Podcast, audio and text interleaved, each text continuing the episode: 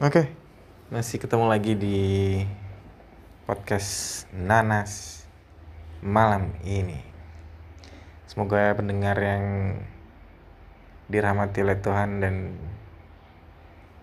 selalu diberikan kesehatan selalu dan diberikan rezeki selalu. Mungkin malam ini kita akan membahas suatu hal yang sangat sangat-sangat dalam maknanya. Mungkin ada satu ada satu yang bisa diambil hikmahnya ada yang satu bisa diambil manfaatnya. Semoga manfaat itu bisa untuk kita bersama-sama bisa merenungkan apa pun itu yang setidaknya kita bisa ambil dari podcast malam ini. Oke kita mulai saja dengan kutipan dari buku anda Anda bisa jika Anda bisa jika Anda berpikir bisa.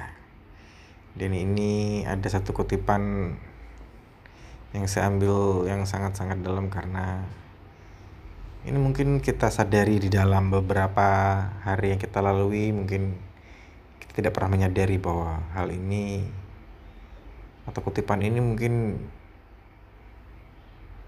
belum pernah bisa kita rasakan mungkin belum pernah bisa kita uh, maknai karena mungkin kita belum pernah bisa mengerti apa arti kutipan ini. Kutipan ini berjudul Surat dari Tuhan. Saya bacakan dulu ya. Boleh, monggo. Saat kau bangun di pagi hari, aku memandangmu dan berharap engkau akan berbicara kepadaku. Meskipun hanya sepatah kata meminta pendapatku atau bersyukur kepadaku atas sesuatu hal yang indah yang terjadi dalam hidupmu hari ini dan kemarin. Namun aku melihatmu begitu sibuk mempersiapkan diri untuk pergi bekerja. Aku kembali menanti dirimu saat engkau sedang bersiap. Aku tahu akan ada sedikit waktu bagimu untuk berhenti dan menyapaku. Tapi engkau terlalu sibuk. Di suatu tempat engkau duduk di sebuah kursi selama 15 menit tanpa melakukan apa pun Kemudian aku melihat engkau menggerakkan kakimu. Ah, aku berpikir engkau akan berbicara kepadaku. Tetapi engkau berlari ke telepon dan menelpon seseorang untuk mendengarkan berita terbaru. Aku melihatmu ketika engkau pergi bekerja dan aku menanti dengan sabar sepanjang hari, dengan semua kegiatanmu. Aku berpikir engkau terlalu sibuk mengucapkan sesuatu kepadaku. Sebelum makan siang, aku melihatmu memandang ke sekeliling Mungkin engkau merasa malu untuk berbicara kepadaku. Itulah sebabnya mengapa engkau tidak menundukkan kepada kepalamu. Engkau memandang tiga atau empat meja di sekitarmu dan melihat beberapa temanmu berbicara dan menyebut namaku dengan lembut sebelum mereka menyantap rezeki yang aku berikan. Tapi engkau tidak melakukannya. Bagiku tidak apa-apa, masih ada waktu tersisa. Aku berharap engkau akan berbicara kepadaku meskipun saat engkau pulang ke rumah Kelihatannya masih banyak hal yang harus engkau kerjakan. Lalu setelah tugasmu selesai, engkau pun menyalakan TV dan engkau habiskan banyak waktu untuk menontonnya. Kembali aku menanti dengan sabar saat engkau menonton TV dan menikmati makananmu. Tapi engkau lupa tidak berbicara kepadaku. Saat engkau tidur, aku berpikir kau merasa terlalu lelah setelah mengucapkan selamat malam kepada keluargamu, engkau melompat ke tempat tidur dan tertidur tanpa sepatah kata pun. Namaku engkau sebut. Ah, tidak apa-apa, karena mungkin engkau tidak menyadari bahwa aku selalu hadir untukmu. Aku telah bersabar lebih lama dari yang pernah engkau sadari. Aku bahkan ingin mengajarimu bagaimana bersabar terhadap orang lain. Aku sangat menyayangimu. Setiap hari aku menantikan sepatah kata, doa, pikiran, atau ucapan syukur dari hatimu. Baiklah, engkau bangun kembali dan kembali aku menanti dengan penuh kasih bahwa hari ini engkau akan memberiku sedikit waktu untuk menyapaku. Aku sendiri bertanya-tanya, apa salahku kepadamu? Rizki yang aku limpahkan, kesehatan yang aku berikan, harta yang aku relakan, makanan yang aku hidangkan, anak-anak yang aku rahmatkan, apakah hal itu tidak membuatmu ingat kepadaku? Percayalah, aku selalu mengasihimu dan aku tetap berharap suatu saat engkau akan menyapaku, mohon perlindunganku, dan bersujud menghadapku. tertanda yang selalu menyertaimu setiap saat. Tuhan Sang Pencipta. Ketipan itu ketipan itu menandakan bahwa sesibuk-sibuknya kita mungkin kadang kita terlupa, gitu kan? Atau ada pendapat lain? Mungkin mungkin di mana kita lupa Tuhan tetap menyertai kita, Tuhan tetap ada di sekitar kita, Tuhan ada di hadapan kita, Tuhan ada di samping kita, Tuhan ada di belakang kita. Di mana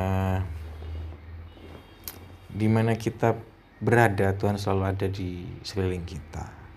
Biarpun kita tidak pernah merasakan langsung apa yang apa yang apa ya, apa yang diramatkan, apa yang diberikan. Tapi setiap kita makan, setiap kita bernapas, setiap kita apa pun yang kita kerjakan gitu Tuhan selalu ada di sekeliling kita ada di hadapan kita ada di samping kita ada di belakang kita. Maknanya seperti itu sih kalau kalau aku melihatnya. Kalau ibu gimana?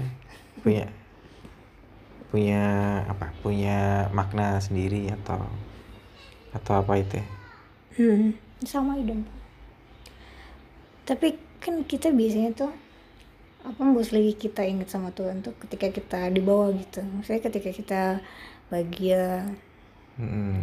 ketika kita ngerasa apa pun itu udah punya hmm. itu kayak kita lupa. kayak lupa kan hmm. kalau misalnya kita lagi di bawah kita lagi kayak seolah-olah kita tuh orang yang paling uh, menderita di dunia gitu kita hmm. baru baru kayak menyebut Tuhan Tuhan Tuhan minta tolong atau Tuhan nggak adil atau gimana gitu kan hmm. ya gak sih hmm. tapi kita lupa kalau biasanya sih hmm. kita udah diberi nikmat yang sebanyak itu tapi kita lupa tapi kan walaupun kita di keadaan di bawah atau di keadaan yang menderita pun kan juga masih banyak hal yang bisa kita syukurin kan mm-hmm. kita masih bisa jalan misal. Atau kita nggak merasakan sakit kita masih bisa bernafas. Ya berarti kalau misalnya kita menderita gitu loh mm-hmm. di keadaan yang menderita pun kan masih banyak hal yang bisa kita syukurin. Mm-hmm ya hmm, betul, betul betul betul. Tapi intinya kutipan ini mungkin kayak lupa gitu ya. Kita Tuhan Tuhan pun misalnya dilupakan pun Tuhan tetap beserta, beserta kita gitu. hmm. Karena Tuhan itu kan maha penyayang maha pengurah hmm. maha apa pun itu jadi selama kita mungkin lupa pun Tuhan tetap di keesokan harinya pun tetap Tuhan menanti kita untuk hmm. untuk menyapanya kalau aku sih berpikirnya gini bu uh, Tuhan itu tidak butuh kita untuk untuk selalu mengingat atau mungkin Tuhan mensyaratkan semua apa yang diperintahkan oleh Tuhan gitu. Jadi eh, intinya manusia itu harus mesra dengan Tuhan. Mesra itu ya selalu menyapa di semua apa pun apa pun yang yang kita lakukan di dalam sehari-hari kita sampai mungkin kita menjelang tidur sampai kita bangun tidur pun kan kenapa kita harus mesra ya karena Tuhan tidak membutuhkan apa pun itu dari kita. Justru kita yang membutuhkan ap apa pun dari Tuhan. Apa pun itu gitu. Nah kenapa harus mesra? Karena kita harus selalu ingat biarpun kita cuma hanya sedikit menyapanya dengan dengan apa ya, dengan bersyukur, dengan kita mm, apa ya membesarkan nama Tuhan, membesarkan nama namanya untuk kita sebut dalam setiap kita melangkah dan kita selalu kita apa pun itu ya itu sih. Intinya sih ada di kemesraan gitu. Bahwa kalau kita mesra dengan Tuhan Tuhan akan semakin mesra dengan kita. Kenapa mesra ya? Karena kita selalu ingat selalu ada ada yang kita panjatkan ada yang kita keluhkan ada yang kita syukuri ada yang kita ada yang kita dapatkan dari semua yang Tuhan berikan kepada kita. Begitu. Hmm. kalau pendapat saya gitu hmm. ya kan? Kalau yang mungkin lupa di saat kita mungkin di saat bahagia kita tidak tidak pernah ingat Tuhan bu justru bahwa di saat-saat kita bahagia itulah kita harus ingat Tuhan. Karena kita bisa mencapai kebahagiaan kita bisa mencapai suatu suatu pencapaian yang tertinggi di kehidupan kita di situlah Tuhan berada gitu. Mm-hmm. di situlah memberikan di situlah Tuhan memberikan kita kesempatan untuk bisa wah kamu bakal ingat nggak dengan Tuhan? Bakal ingat nggak dengan semua pencapaian yang selama ini kamu inginkan atau yang ingin kamu harapkan? Gitu. Nah di di masa lalu mungkin kita pernah wah iya. Kan Tuhan tidak sebaik itu. Tuhan mungkin tidak tidak se serta merta. Tapi kan di setiap kali suatu hal yang tidak baik atau tidak sesuai dengan apa yang kita inginkan kan kadang itu adalah ujian. Ujian itu kan berarti ada di di balik ujian itu ada suatu hal yang besar ada suatu hal yang indah. Ada suatu hal yang yang tidak pernah kita duga gitu. Menurut menurut ibu gimana ya ya ada ujian itu kan karena kita mau naik kelas ya kan? nah betul betul betul. Kita nggak diuji ya sama terus kelasnya. Hmm, hmm, hmm, hmm. iya betul betul betul. Iya sih. Dan kalau misalnya Tuhan belum kasih apa yang kita minta nih Hmm. itu belum bukan berarti Tuhan tuh nggak sayang kita. Mungkin Tuhan tuh ngerti gitu apa yang akan apa yang akan terjadi ketika Tuhan memberikan itu ke kita. Karena kan kita nggak ngerti tuh Hmm, hmm. sesuatu yang kita inginkan apa pun itu itu akan baik atau enggak di hidup kita kan kita nggak ngerti. Yang Tuhan yang tahu kan Tuhan. Hmm, jadi apa pun yang kita inginkan Tuhan belum kasih itu bukan karena Tuhan nggak sayang tapi karena Tuhan tahu mengeta- eh, karena Tuhan mengetahui semuanya yang akan terjadi. Hmm, gitu hmm. sih kalau aku. Hmm, hmm, hmm. betul betul betul betul. Iya iya iya. Iya sih itu itu itu itu terpikir juga jadi mm, mungkin pada intinya di mana Tuhan berikan kita sebuah cobaan atau ujian itu sebenarnya bukan untuk mengukur bagaimana kita bisa me- menyelesaikan atau mungkin bisa apa ya me- membuat cobaan itu berhasil atau tidak tapi justru di ujian itulah bahwa kita diingatkan bahwa masihkah kita itu selalu ingat dengan Tuhan selalu ingat dengan apa pun itu yang membuat seperti ini ya itu semua karena izin Tuhan gitu. Dan kita tidak boleh mengharapkan suatu hal yang wah ini karena aku di dikasih cobaan dan dikasih ujian ini berarti Tuhan jahat dengan dengan kita atau dengan dengan hidup kita gitu bukan sih tapi di di saat ujian itu ada dan cobaan itu ada itu Tuhan mengukur bahwa seberapa banyak kamu mengingatku bahwa seberapa banyak kamu mengingat Tuhan seberapa seringkah kamu mengingat Tuhan untuk untuk kita selalu bersyukur bahwa kita masih diberikan kehidupan yang lebih baik, lebih lebih bagus seperti itu. Iya kan? Atau ada ada ada makna lain? Di di di kehidupan yang mungkin wah iya ya aku kadang sering lupa nih atau di saat waktu apa sih kita sering lupa dengan dengan Tuhan kita? Bangun tidur kah? Atau mungkin sedang kita sedang sedang apa? Atau mungkin apa gitu? Kalau aku sih mungkin ini sih kita tuh sering lupa untuk mensyukuri hal-hal kecil. Hal yang kita anggap kecil gitu. Mungkin kita masih punya, sendal walaupun sendal itu kayak udah bolong atau gimana itu kan masih kita masih bisa bersyukur di situ tuh pak. Nah itu kadang kalau aku sih aku bukan ngomong orang lain tapi aku kayak masih kurang bersyukur di hal-hal yang kecil gitu. Kayak mungkin aku punya duit cuma seribu doang gitu Mm-mm. kayak aku nggak bisa bersyukur di duit seribu. Iyalah alhamdulillah aku punya duit seribu aku bisa beli nasi gitu atau mungkin be- beli angkringan Mm-mm. daripada fokus yang kayak wah aku punya duit seribu nih kurang atau gimana gimana. Kan kalau aku sih itu sih. Kayak sering lupanya tuh untuk bersyukur di hal-hal yang kecil. Kebanyakan orang kan kayak aduh aku harus bersyukurnya tuh di hal-hal yang besar aja gitu hal-hal kecil mah aku nggak perlu untuk bersyukur. Tapi mungkin kan ada mungkin. Mungkin juga aku termasuk kayak gitu. Mm-mm. jadi tadi bapak ngomong kayak gitu ya apa bacain cerpen itu aku jadi kayak mikir oh iya ya ternyata banyak gitu.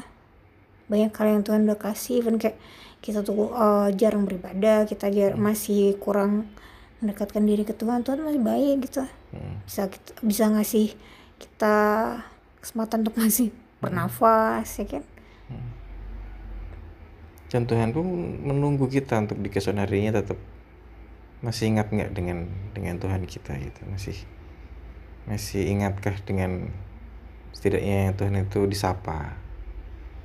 Ya kan Tuhan Hmm. Tuhan memberikan apa pun yang selama ini kita terima kan Tuhan hanya ingin disapa ingin di diingat selalu bahwa apa pun yang selama ini yang kamu rasakan mulai dari kita hidup dilahirkan dan sampai akhirnya kita nanti diambil olehnya kan kita harus selalu mengingatnya harus selalu menyapa kita harus menyebutnya di dalam setiap doa kita. Harus me- memanjatkan semua apa yang kita harapkan. Itu ya kepada Tuhan. Kita tidak bisa me- memanjatkan apa pun keinginan dan harapan itu di di apa pun gitu jadi selama kita punya satu apa ya punya satu tujuan punya satu keinginan ya setidaknya Tuhan disapa bahwa oh iya ya Tuhan saya bangun pagi ini saya ingin ingin punya harapan yang besar bahwa di saat aku nanti sukses atau di saat aku nanti berkecukupan aku akan selalu bisa ingat bahwa ada Tuhan di situ ada. Ada izin Tuhan dari situ dan kita akan selalu bisa membantu orang lain. Di mana kita bisa membantu orang lain bahwa di situ juga Tuhan mengingatkan bahwa kita masih diberi kesempatan untuk bisa membantu orang lain. Kayak gitu sih. Dan jangan mengkhawatirkan hal-hal yang tidak dikabulkan sama Tuhan sih pak. Nah betul. Kita udah mikir kayak aduh Tuhan jahat Tuhan gak adil gitu. Ketika kita meminta sesuatu hal tapi Tuhan gak kasih gitu. Kayak contoh gampangnya tuh misal apa ya? Aku punya keinginan Tuhan aku pengen berjodoh dengan Nikola Saputra gitu. Ya kan? Mm-mm. Tuhan kan gak mungkin tuh kabulin itu. Mungkin kalau misalnya kabulin pun juga pasti akan ses- eh, terjadi sesuatu yang gak bagus gitu ke depannya Dan nggak apa-apa kok ketika kita berdoa sama Tuhan kita ketika kita minta sesuatu hal di ke Tuhan dan Tuhan nggak ngasih itu kayaknya nggak apa-apa sih. Mm-mm. ya kan? Mm-mm. dan apa ya? Aduh lupa mau udah itu. Mm-mm. iya sih. Lagi mau bacain lagi apa Iya sih, untuk kutipan yang tadi kita ceritakan adalah kutipan yang sebenarnya sangat-sangat dalam maknanya. Eh, kesimpulannya bahwa di setiap apa pun kita setidaknya bisa menyapa Tuhan bahwa Tuhan memang ada dan hadir di setiap sekeliling kita. Di depan kita, di samping kita, di belakang kita, di sekeliling kita itu ada ada ada Tuhan di situ. Jadi mungkin kesimpulannya seperti itu karena kadang kita nggak pernah terpikirkan bahwa apa pun yang kita lakukan itu semua atas izinnya, izin Tuhan. Begitu kesimpulannya. Oke, kita akan baca kutipan yang sangat dalam lagi, artinya. Jangan yang terlalu dulu dong pak. Yang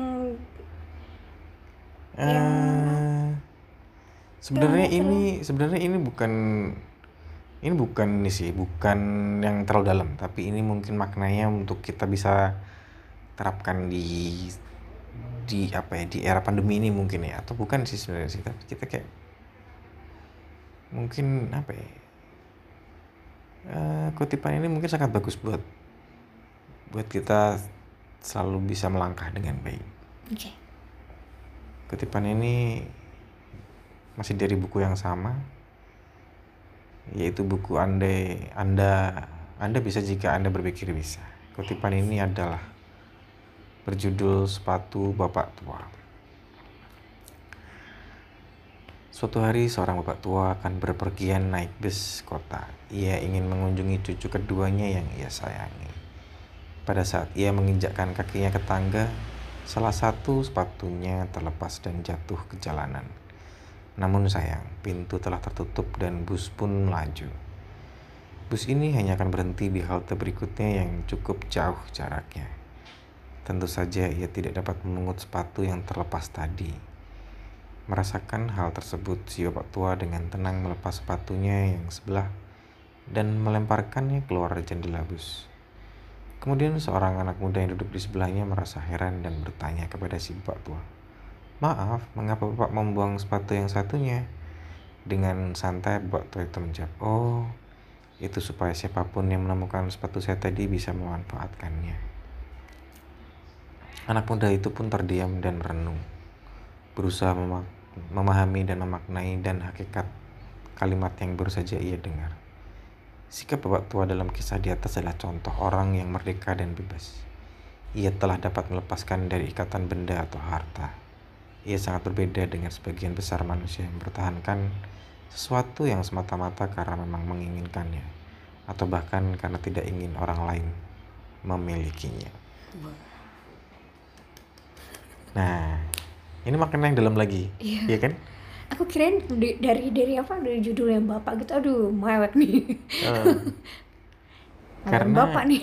Iya karena sebenarnya makna ini makna yang sangat dalam juga gitu. Karena di dalam kehidupan kita tidak pernah ber- berpikir bahwa kita merelakan harta benda kita yang kita punyai untuk untuk kita sendiri mungkin kan. Kita tidak pernah merelakan oh iya sepatu bapak yang tadi dilempar lagi tuh supaya sepatu yang tadi tertinggal itu tidak jauh dari sepatu yang satunya gitu. Kalau cuma satu kan buat apa gitu. Tapi kalau mungkin orang yang membutuhkannya banget gitu dengan sepatu yang oh ya itu yang satu di situ.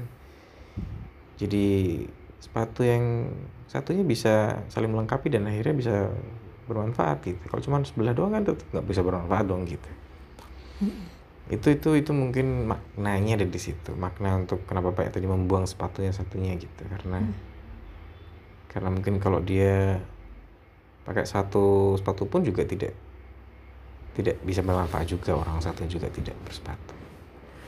Maknanya seperti itu sih. Maknanya kita harus bisa merelakan apa yang kita punyai.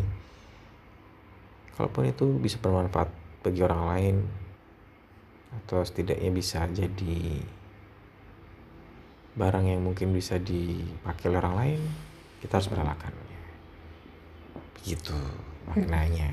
Kalau ibu gimana? Dari makna kutipan tadi apa yang bisa diambil dari dari kutipan tadi gitu idem sih pak. Hmm? sama idem pak. Oh idem doang. Enggak sih.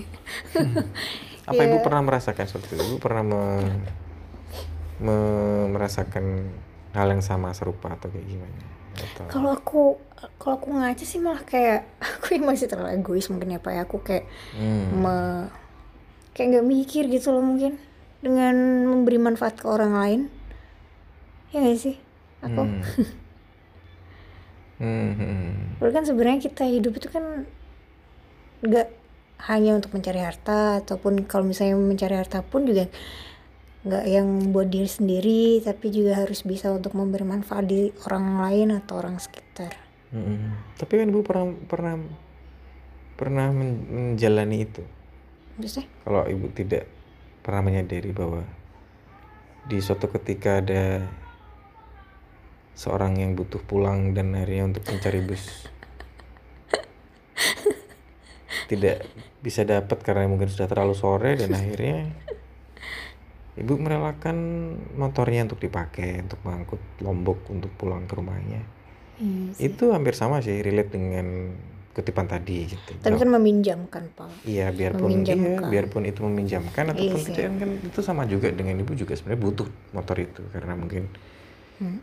untuk ibu bisa ke mana-mana tapi ibu merelakan ya motor itu bisa dipinjam dan akhirnya untuk mengangkut lombok untuk bisa pulang ke rumahnya dengan tidak bersusah payah me- mengangkut lombok 10 kilo yang harus naik bus ya itu kan ibu juga pernah menjalani itu. Iya sih.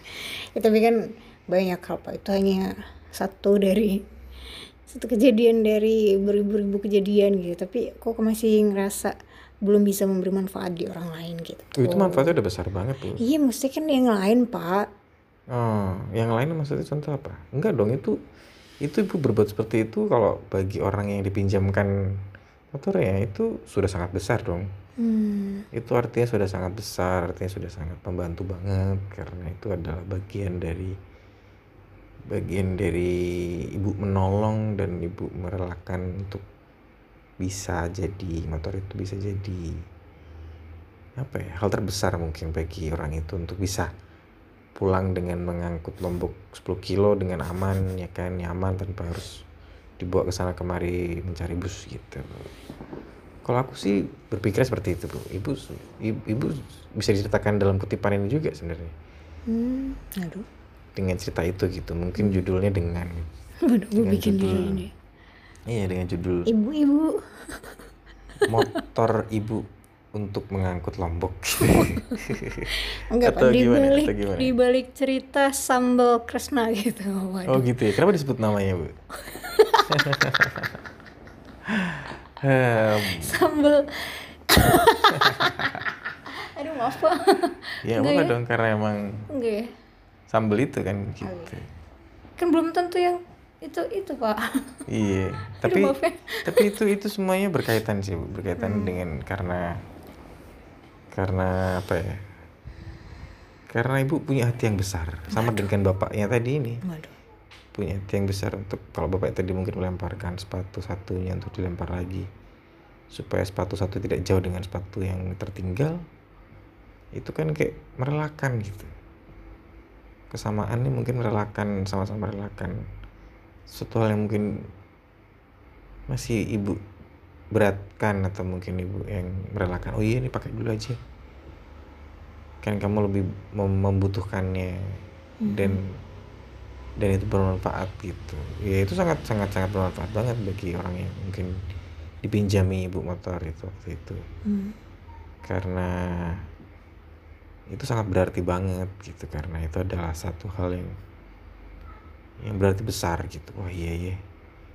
Di di di di zaman seperti ini masih ada orang seperti itu kan itu sangat sangat apa ya sangat orang yang berarti besar gitu Tapi Bapak nggak ngerti tujuan utamanya saya manjamin motor Bapak tuh apa. oh apa tujuan itu Tujuannya biar Bapak ke rumah saya lagi. Waduh, iya Biar nemuin saya lagi, Waduh, biar- iya sih, betul, betul, betul, betul. betul sih, itu memang memang memang terjadi. Iya. Untuk mengembalikan motor itu emang saya harus kembali ke sana lagi. Iya. gitu. Untuk untuk untuk bisa ketemu lagi. Gitu. Enggak sih Pak. Tapi yang mungkin yang kita ambil hikmahnya kan di saat ibu bisa merelakan untuk motor bisa bisa dipinjam itu kan itu yang paling besar di situ. Hmm. andilnya di situ bu- bukan tujuannya untuk nanti untuk di situ tapi kan karena emang itu sudah terlalu sore mungkin sudah terlalu malam dan dan membawa sebuah sekantong se sekarung lombok itu kan tidak tidak apa ya tidak ringan Hmm, ya saya harusnya bisa ini lah. Bisa kasih armada gitu yang biar ngantar Bapak sampai rumah kan. iya enggak dong motor Kan Bapak eh waktu itu Bapak nganterin saya loh ke rumahnya kan. Ya itu tidak ada papanya dengan Oh, ada papanya. Ih, sebelumnya juga Bapak melakukan semuanya itu lebih-lebih dari apa yang saya lakukan. Ya, saya seperti ini karena Bapak ngelakuin itu. Maksudnya saya, Oh, saya memberikan tapi kan- kebaikan ke Bapak karena Bapak selalu memberikan kebaikan kan saya yang tidak ingin ada timbal balik bu Ya iya masa orang orang baik mah kalau saya pengennya ya ya ya walaupun gak ada timbal balik tapi hidup pasti ada pak kayak begitu pak kamu dibaikin sama orang pasti Hmm. Gitu juga ya. kamu juga kan baik baik balik ke orang itu tapi kalau orang Hmm. tuh jahat sama kamu ya walaupun kamu gak jahat balik mungkin kamu gak akan kayak kayak sedikit nggak peduli gitu tentang apa yang dia inginkan apa yang dia butuhkan misal dia orang yang jahat itu minta tolong ke kamu mungkin apa yang kayak mungkin Hmm. aduh rodo ogah-ogahan mau bantu ya nggak sih kayak manusiawi kalau aku sih gitu tapi kalau orang baik kayak mungkin di luar sana banyak orang baik mungkin akan berbuat baik juga dengan orang yang udah nyakitin dia mungkin ada yang kayak gitu tapi kalau aku kayaknya Hmm. hmm. Ya nggak sih Hmm. Hmm. tapi susah sih pak ketemu atau atau menilai ya menilai orang lain kebaikan orang lain tuh susah sih Hmm. teman terdekat kita pun sahabat kita pun juga belum tentu loh mau bantu kita ketika kita ini ketika kita mungkin merasa perlu bantuan ya gak sih Hmm. jangan kan sahabat keluarga sendiri mungkin ada kali yang nggak bisa bantu ketika kita minta pertolongan Mm-mm. Ya kalau kita minta pertolongan ke ke manusia kan kita tidak bisa mengharapkan ke manusia bahwa se- sedekat apa pun manusia itu kan juga kita tidak bisa tahu bahwa harapan yang kita harapkan dari manusia itu bakal bisa membantu kita atau tidak gitu. Kita pengharapannya meminta pertolongannya kepada Tuhan relate-nya ke kutipan yang pertama. Kutipan yang memang Tuhan itu ingin disapa gitu. Karena apa pun kebaikan kita apa pun yang Tuhan perintahkan di dunia ini tidak ada apa-apa kalau kita tidak bisa mesra atau tidak bisa menyapa Tuhan di setiap waktu kita yang kita kadang lupa, kadang kita kadang kita tidak tahu bagaimana caranya untuk bisa dekat dengan Tuhan. Kadang kan seperti itu. Relate-nya di situ sih. Ya kalau di relate yang tadi yang kita ibu minjamkan motor itu itu sangat-sangat besar bagi bagi orang di saat waktu itu membutuhkan sangat-sangat besar karena itu bagian dari apa ya? bagian dari bagian dari perjalanan mungkin atau bagian dari sebuah cerita yang mungkin kita tidak pernah bisa lupakan nanti gitu. tapi aku ngerasa itu nggak nggak aku nggak ngasih sesuatu yang besar loh pak bandingin kamu ngasihin aku apa pun itu oh itu sangat besar bu artinya. Karena daripada aku naik bus dengan mengangkut Ya, Bu, bukan sekarang waktu itu. itu. Waktu itu kan nganterin saya. Ya tidak ada apa-apanya dong dengan itu. Lah bapak ya saya bisa pulang sendiri. Kenapa bapak nganterin saya? Kalau bapak nggak punya kebaikan itu ya nggak mungkin bapak mau ngelakuin itu? Ya, Duh bolak balik loh pak dari ono ke ini. Ya tidak ada. Nganterin pulang lagi disuruh mampir ke rumah nggak mau ya kan? Itu kan mampir akhirnya. Mampir cuman saya doang. Assalamualaikum.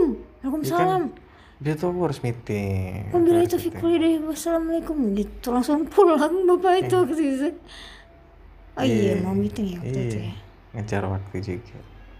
Ya nggak apa-apa dong. Itu relate nya di situ sih. Itu tidak tidak ada artinya apa-apa gitu. Tapi besar dong pak buat saya. Ya iya sih. Mungkin besar juga lebih besar daripada kalau yang saya rasakan lebih besar daripada itu Bu. ya karena Karena- bapak nggak ngerasain. karena mo- motor yang dipinjamkan itu sangat-sangat besar artinya gitu. Biarpun di di apa ya di setiap harinya pun ibu kan butuh motor itu dan ibu merelakannya untuk bisa mengangkut lombok ya kan. Mungkin lebih daripada 10 kilo sih waktu itu 12 kiloan mungkin ya. Iya itu kaki bapak panas apa anget bu. Ke perlu minyak kayu putih ya. Anget gitu. Tapi itu sangat besar sih. Mungkin relate dia ada di kutipan kedua gitu. Hmm. jadi mau kan ada kutipan lagi bu? Atau? Tahan dulu berapa 30 menit pak. Tambah lagi ya? Satu lagi. Satu kutipan lagi mungkin yang bisa Boleh. kita bahas satu kutipan yang mungkin sangat sangat besar juga artinya bagi bagi kita bisa obrolin di malam ini ya bu? Atau apa? Boleh. Atau ibu punya apa? Ibu punya bacain lagi satu nggak punya apa? Nggak punya apa apa saya? Saya nggak punya atau cinta. Ibu punya apa? Nah ini ibu yang sekarang memaknai ini. Minyak lentera. Wah itu susah pak itu pak. Kenapa? Itu susah. cuma satu kali satu arti doang habis itu udah habis. Ah. Atau ini? Tersasa Hmm. Ini tinggi ini gantian dong ibu yang memaknai. Hanya satu senar ya. Hah? Yang satu senar ini ya. Boleh. Oke sekarang ibu yang membaca. Nggak mau mau aja. Ini cuma satu satu ini kok satu aja. satu kutipan aja coba.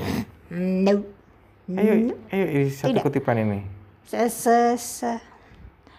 Tapi ibu yang memaknai oke. Orang ya kita berdua mau nak memaknai kita berdua. Maknai dulu Ya, Pak. berarti bu, oke. Masih di kutipan yang di buku yang sama dari buku buku Anda bisa jika Anda berpikir bisa. Kutipan ini eh, berjudul hanya satu senar. Seorang pemain biola tersohor pada abad 19 bernama Niccolo Paganini memainkan konser untuk para pengagumnya yang memenuhi ruangan. Saat itu dia bermain biola dengan diiringi orkestra penuh. Secara tiba-tiba salah satu senar biolanya putus. Lalu keringat dingin mulai membasahi dahinya. Namun dia terus memainkan lagunya. Kejadian yang sangat mengejutkan selanjutnya adalah satu persatu senarnya putus hingga hanya tinggal satu senar saja. Dan Paganini tetap melanjutkan gesekan biolanya. Ketika para penonton melihatnya hanya memiliki satu senar dan dia terus bermain, mereka berteriak, "Wah, hebat, hebat, hebat sekali!" Kemudian Paganini menyuruh mereka untuk duduk setelah tepuk tangan dan suarakan itu mereda. Para pengagumnya menyadari bahwa dia tidak mungkin meneruskan lagi dengan satu senar. Lalu Paganini memberi hormat kepada para penonton dan memberikan isyarat pada dirijen orkestra untuk melanjutkan bagian akhir dari lagunya itu.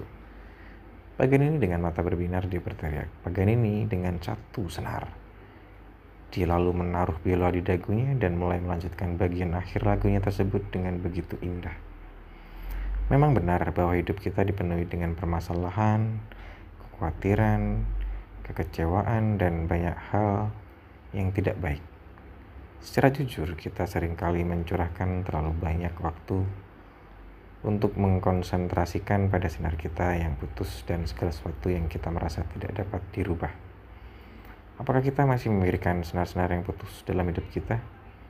Apakah senar terakhir nadanya tidak indah lagi? Apabila demikian, janganlah melihat ke belakang. Majulah terus dan mainkan senar satu-satunya itu. Mainkanlah dengan indah senar tersebut. Ini maknanya dalam juga, Bu, maknanya. Hmm. Coba kalau Ibu maknai dari dari kutipan hanya satu senar ini apa? saya dulu pak biasanya kamu dulu oh saya dulu aja hmm. hmm. bagi saya kan makna saya ini ngomongnya idem ya bagi saya makna ini sangat dalam karena karena terkadang kita tidak pernah tahu bahwa kita dapat satu kegagalan dapat satu dapat satu khawatiran bahwa kita setidaknya pernah gagal dalam hidup. Setidaknya kita pernah tersakiti dalam hidup. Kadang kita pernah terjatuh dalam hidup ini. Namun kita tetap harus terus melaju gitu dengan apa pun yang yang sudah kita lalui ataupun kita bisa mengambil hikmahnya dari semua itu jadi kita semakin indah atau semakin baik dalam setiap harinya kok maknanya sih itu sih makna dari kutipan tadi gitu. Karena kadang orang jadi tidak pede atau kadang orang jadi berpikir wah aku nggak mungkin bisa nih mainkan biola dengan cuma satu senar. Atau mungkin kita terlalu merisaukan bahwa kita tidak mungkin hanya berdiri dengan satu senar atau berdiri dengan satu kaki ataupun itulah gitu. Tapi kita tetap harus bisa memainkan peran kita ataupun apa pun dalam hidup ini dengan sebaik mungkin seperti si Paganini tadi memainkan biolanya dengan satu senar. Begitu, gimana maknanya? Hmm. Apa yang mungkin idem? Kenapa harus idem? Ya sama. Hmm. Atau ada ada ada makna lain atau ada Kalau maknanya, maknanya sih mesti sama kayak gitu. Tapi hmm. Hmm. Mungkin apa? nambahin kali pak. Nambahinnya apa? Susuan nambahin. Apa itu nambahin? Padahal cuma mau dibilang dong. Apa itu? Kan kayak kalau kalau di hidup pak di kehidupan itu berarti di ini apa dikorelasikan sebagai apa? Masalah gitu ya atau apa ya? Sebenarnya masalah itu. kekhawatiran kegagalan. hmm. Kemudian masa lalu kita mungkin tidak baik gitu tapi kita hmm. terus melaju kan hmm. biarpun itu dengan harus dengan satu senar gitu nah hmm. maknanya di dalam ibu yang pernah pernah ibu pernah ini pernah mengalaminya atau mungkin pernah pernah merasakan bahwa sekarang ini aku juga tinggal satu senar nih atau mungkin atau atau kekhawatiran dan dan kegagalan yang pernah pernah dialami dan akhirnya memacu ibu. Semakin akhirnya semakin bisa jadi lebih baik lagi dan memainkan peran hidup ibu di sekarang ini untuk ke depannya lebih indah gitu. Apa yang mungkin relate dari atau atau memaknai itu? Kalau aku. Hmm. kalau aku mah ya kayak semua orang ya gak, gak sebagian. Tapi semua orang tuh punya kayak gitu sih pak kekhawatiran kegagalan dan lain sebagainya Hmm. yang biasa aku lakukan sih kayak yang sebesar apa pun masalah seberapa besar itu hal-hal yang baik yang pernah terjadi di aku kayak yang aku tuh kayak nggak sanggup gitu untuk menyelesaikan itu Hmm. aku nggak sanggup nyelesain itu aku nggak bisa berpikir untuk mencari solusinya Hmm. Dan pada akhirnya aku kayak yang menyerahkan gitu semuanya ke Tuhan. Hmm. Tuhan aku nggak sanggup. Aku minta tolong untuk selesaikan. Dan aku kayak minta tolong ke alam semesta. Dan apa pun itu kayak minta tolong untuk selesaikan gitu. Karena aku sendiri untuk menyelesaikan itu aku nggak bisa. Hmm. itu mungkin salah satu caraku untuk bisa bahagia atau tetap bisa memainkan biolaku dengan satu senar itu Hmm. dan kayak bodo amat gitu sih pak maksudnya Hmm. aduh bowe sih di masalah ini kayak bowe sih bowe sih gitu. Hmm. kayak kayak nggak usah dipikir aja gitu Hmm. kalau aku aku nggak mikir itu lah ya lah kita aku nggak konsentrasi ke gimana nyari solusinya Hmm. aku berserah diri ke Tuhan kayak yang Tuhan mau kasih apa pun itu aku pasrah dan ikhlas dan aku Hmm. lebih konsentrasi ke gimana caranya untuk bisa melanjutkan hidup Hmm, hmm, hmm, hmm, hmm. Berarti intinya di saat kita mungkin kena masalah yang mungkin kita tidak bisa menyelesaikan, kita harus pasrah ya. kalau aku sih gitu Iya, sih pasrah untuk untuk untuk untuk minta petunjuk gitu atau Hmm. atau kita pasrahkan ke Tuhan yang yang yang setidaknya bisa kita sadari bahwa kita tidak bisa sendirian untuk menyelesaikan masalah itu. Tapi bagiku Tuhan selalu beserta kita di mana pun itu gitu.